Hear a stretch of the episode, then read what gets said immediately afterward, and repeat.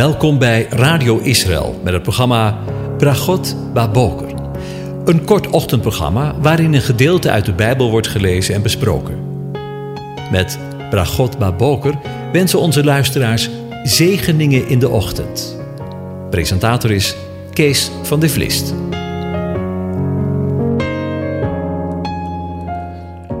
Goedemorgen, Bokatov, beste luisteraars.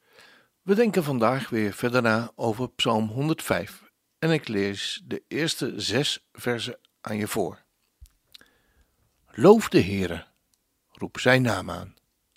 Maak zijn daden bekend onder de volken. Zing voor hem, zing psalmen voor hem. Spreek aandachtig van al zijn wonderen. Beroem u in zijn heilige naam. Laat het hart van wie de Heere zoeken zich verblijden. Vraag naar de Heere en zijn kracht. Zoek zijn aangezicht voortdurend. Denk aan zijn wonderen die hij gedaan heeft, aan zijn tekenen en de oordelen van zijn mond, nakomelingen van Abraham, zijn dienaar, kinderen van Jacob, zijn uitverkorenen. Tot zover.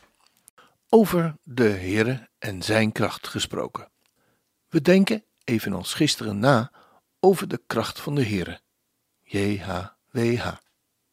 Want er is naast Gods scheppende kracht en de innerlijke kracht die Hij aan de mensen schenkt, die hun vertrouwen op Hem gesteld hebben, sprake van een kracht tot behoud. Het proces wordt in gang gezet, evenals bij de natuurlijke schepping, door de kracht van Zijn woord, het Evangelie. Want het is een kracht van God tot zaligheid voor ieder die gelooft. Eerst voor de Jood en ook voor de Griek, schrijft Paulus aan de Romeinen in hoofdstuk 1, vers 16 en de Corinthiërs 1, vers 18. De kracht van het behoud is niet aanwijsbaar, maar voor God realiteit. Alleen Hij beschikt erover en Hij vormt de gelovigen hiermee om tot onvergankelijkheid. Eigen kracht kan dat niet.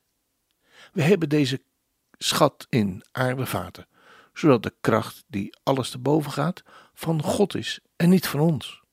Lezen we in 2 Korinthe 4, vers 7. We kunnen ons alleen maar over verbazen. Hoe overweldigend groot zijn kracht is aan ons, die geloven, naar de werking van de sterkte zijner macht. Lezen we in Efeze 1, vers 19.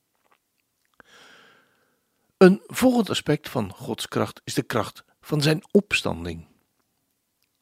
En niet alleen van zijn opstanding, ook van u, van de zijnen die geloven. De Heer Jezus, Yeshua, sprak over Gods kracht met de Sadduceeën. Zij vormden een groepering die de opstanding uit de dood ontkende. Jezus wijst hen erop dat zij geen kennis hebben van het woord en daarom ook van Gods kracht geen notie hebben. Gods woord en zijn kracht horen bij elkaar.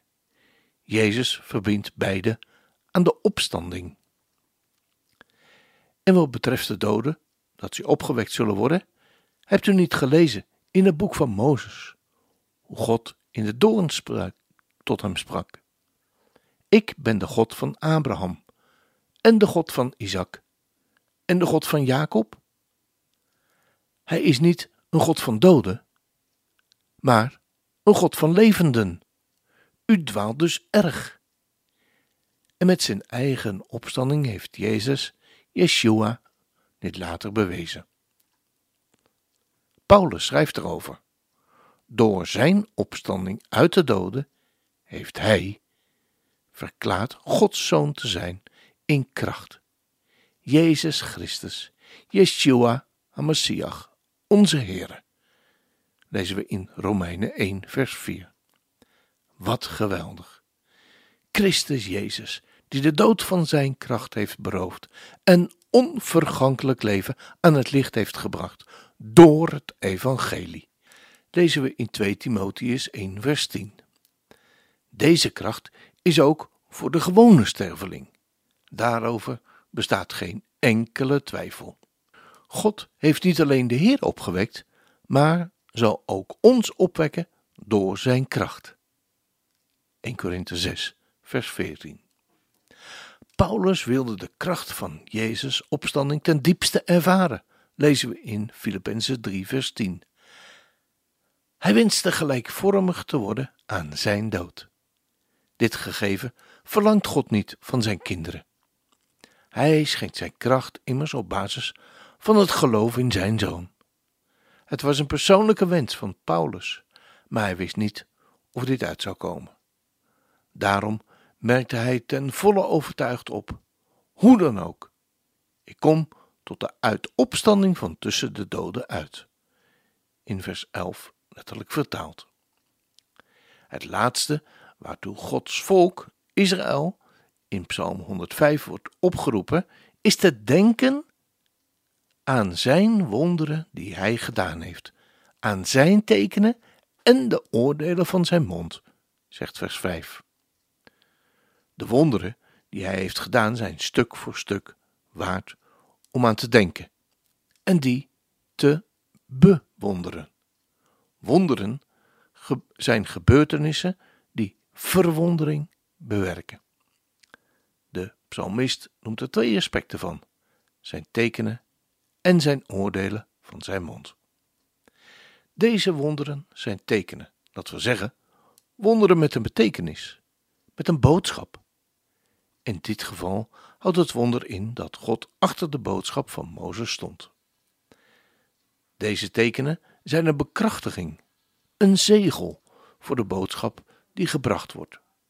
Vergelijk Marcus 16, vers 20 maar eens.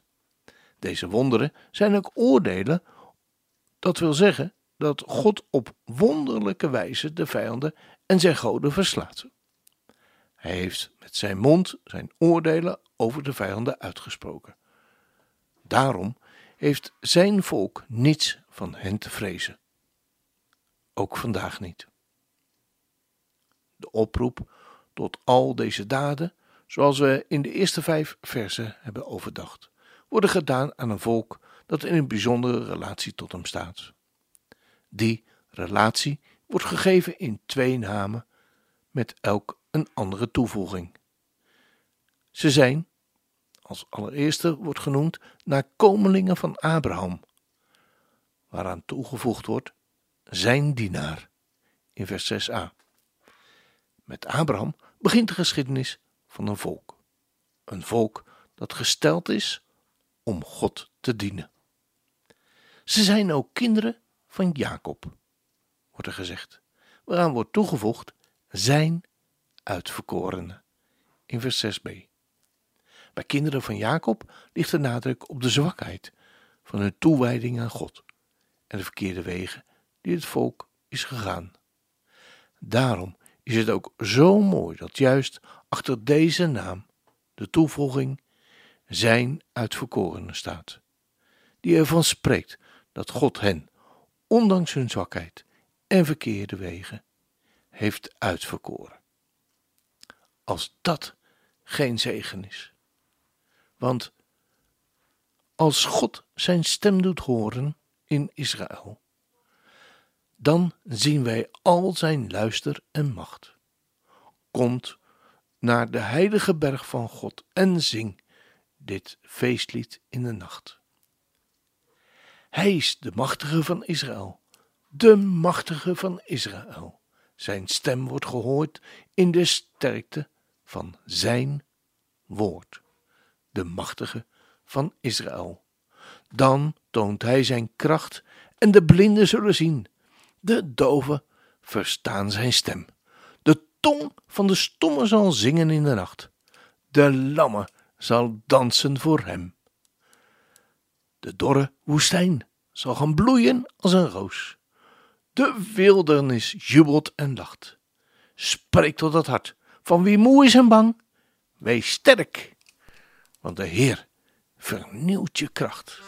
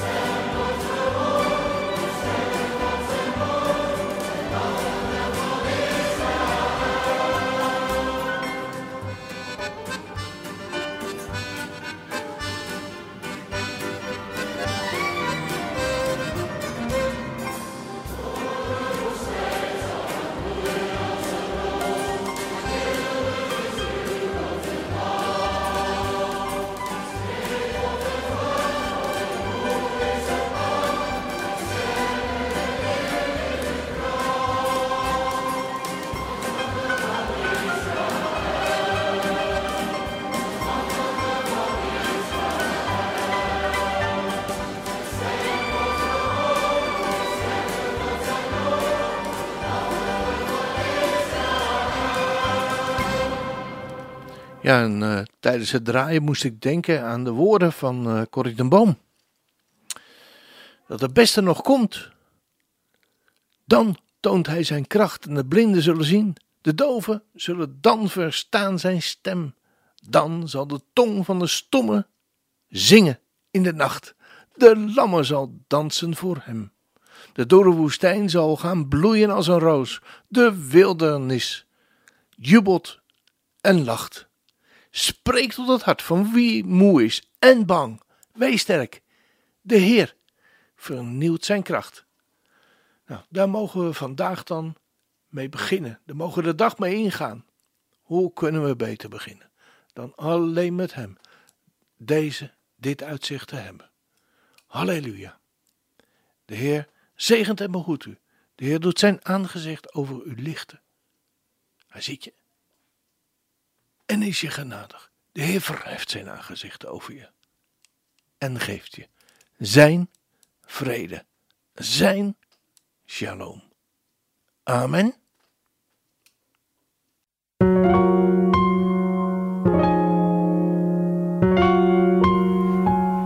U hebt geluisterd naar het programma Bragot Baboker. Een kort ochtendprogramma waarin een gedeelte uit de Bijbel wordt gelezen en besproken. Wilt u het programma nog eens naluisteren, dan kan dat. Ga naar radioisrael.nl en klik onder het kopje radio op Uitzending gemist.